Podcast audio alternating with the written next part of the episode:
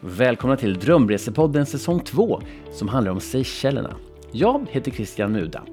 Och I det här avsnittet kommer ni få träffa André Borg som är hotelldirektör på Hilton La Breeze på ön Silhouette som ligger en kort båttur från Mahe på Seychellerna. Hit åkte jag min sista dag på Seychellerna och det var en otroligt vacker ö med stora skogar för vandring, fantastiska stränder och så det här hotellet som är det enda på ön. Jag passade på att göra en intervju med André när jag var där och frågade bland annat om vad som är speciellt med den här ön och hotellet. Vad finns det att göra på Sulett? Och för vem passar det här resmålet? Ni får alla detaljer i det här avsnittet som är på engelska. Och det finns även reportage om detta hotell på Mat och resebloggen som är länkad i beskrivningen till detta avsnittet. Welcome to Drömresepodden André Borg, General Manager at Hilton Seychelles La Breeze Resort and Spa. Good afternoon. Hello. So we are sitting here now in Silhouette Island. Correct. Yes, welcome. Uh, where this hotel is located. And tell me, what is so special about this hotel in your view? Well, what is special is the whole environment. So we are 12 kilometers away from the main island Mahe.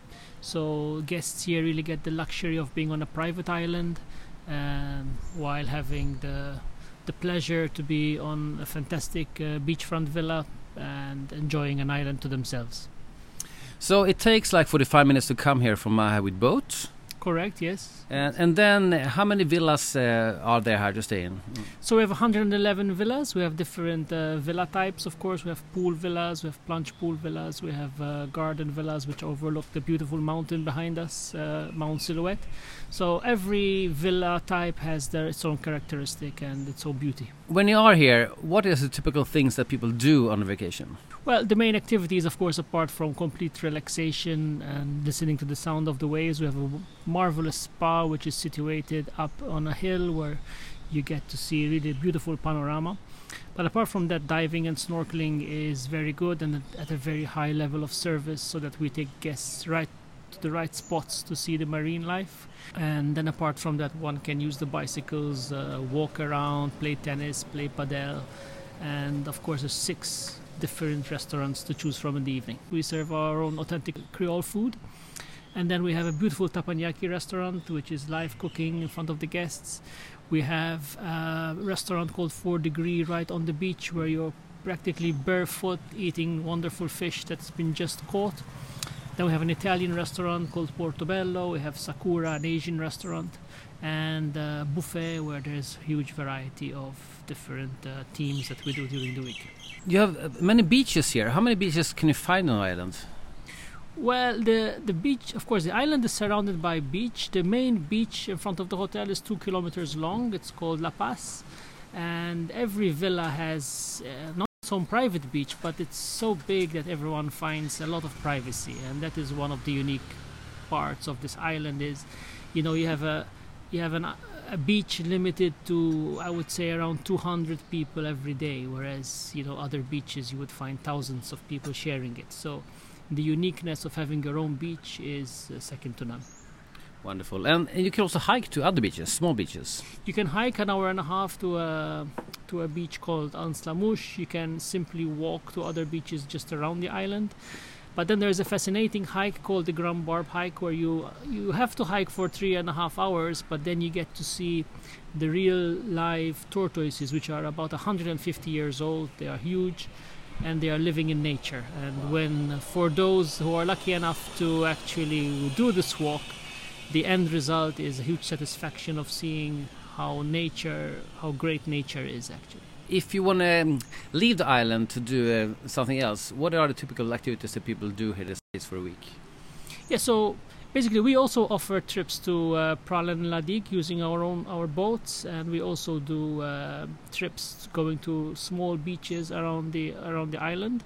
Uh, but if one wants to return to Mahe and do a day trip there, we also organize it using the same boat. It takes 40 to 45 minutes. So uh, nobody, people are free to come and go um, and also explore the rest of Mahe.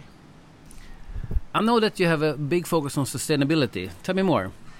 Yes, we believe a lot in sustainability. We want to keep the island uh, in a better state that we that we find it. So, it is a national park uh, and it's also a marine park. So we are protected by uh, also by the law to make sure that everything is kept uh, in its natural state. Uh, over the years, we have managed to eradicate single-use plastic, and uh, as we go along, we are investing in more efficient ways to, to run the plant in a more in a cleaner way uh, as time goes by. We also fund the NGO called Island Conservation Society, and they do a lot of work in the forest and on in the sea to make sure that we protect uh, turtles, the sheath-tailed bat, and other fauna that might be in, in, endangered or endangered. So we don't do it ourselves. We are not, of course, experts uh, in in the in the matter, but uh, we support NGOs that are working hard to keep the environment clean. And here uh, your own gardens here. Yes, we so we have our own organic garden. We've had it for the past years. Again, this will go through a little revolution to be able to produce a little bit more volume and also at, at, in a cleaner way. So this is going to also uh, grow in years to come.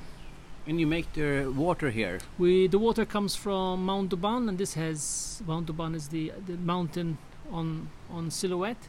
Uh, so we collect the, the rainwater, and eventually it becomes uh, our natural spring. And this has enabled us to completely stop any plastic bottle from reaching the island. So whether it is in the team member area or guest facing, you will not find guaranteed a plastic bottle. So, um, if you want to come here, how much does it cost for a double room here at this resort? Well, it depends a little bit on the seasonality. Um, on average, I would say it costs around 500 euros per night, and that includes uh, breakfast and dinner. Uh, of course, it depends on the room category and, and how, how early one is booking as well. You can find better deals or it's a little bit more expensive. And um, for what types of customers is this resort uh, oriented for? Well, we have anything from people getting married. So on average, we have around 250 weddings a year of couples coming to, you know, enjoy the special moment on our beach. Uh, many people come for special celebrations and renewals. I would say a big part of our market is family market, not, not necessarily only with small children, but also uh, multi-generation children. So we have fantastic connecting rooms where children have their own privacy and the parents uh, also. And then in the evening and during the day, they connect together. So I would say it is a perfect uh, family resort. Wonderful. And lastly, when is the best time to come here, you think? Well, my personal favorite time is March to September, uh, when the monsoon, the winds are a little bit less strong, so one can really enjoy the beach and the diving facilities. The the weather is also particularly nice during that period. But in general, the climate in the Seychelles is quite stable at around 28 degrees. Um, they say it will always rain an hour a day, so hopefully that hour is at night. But even if it's during the day, it's the rain pour in this hot climate is actually refreshing at mm. certain times. Great. Thank you so much for taking the time. Thank you. Bye. Thank you. Detta var allt för dagens avsnitt av Drömresepodden. Som ni kanske sett så släpper jag alla avsnitt för en viss destination på en gång. Så vill ni höra mer om Seychellerna så finns ett gäng andra avsnitt ute redan nu på alla poddplattformar.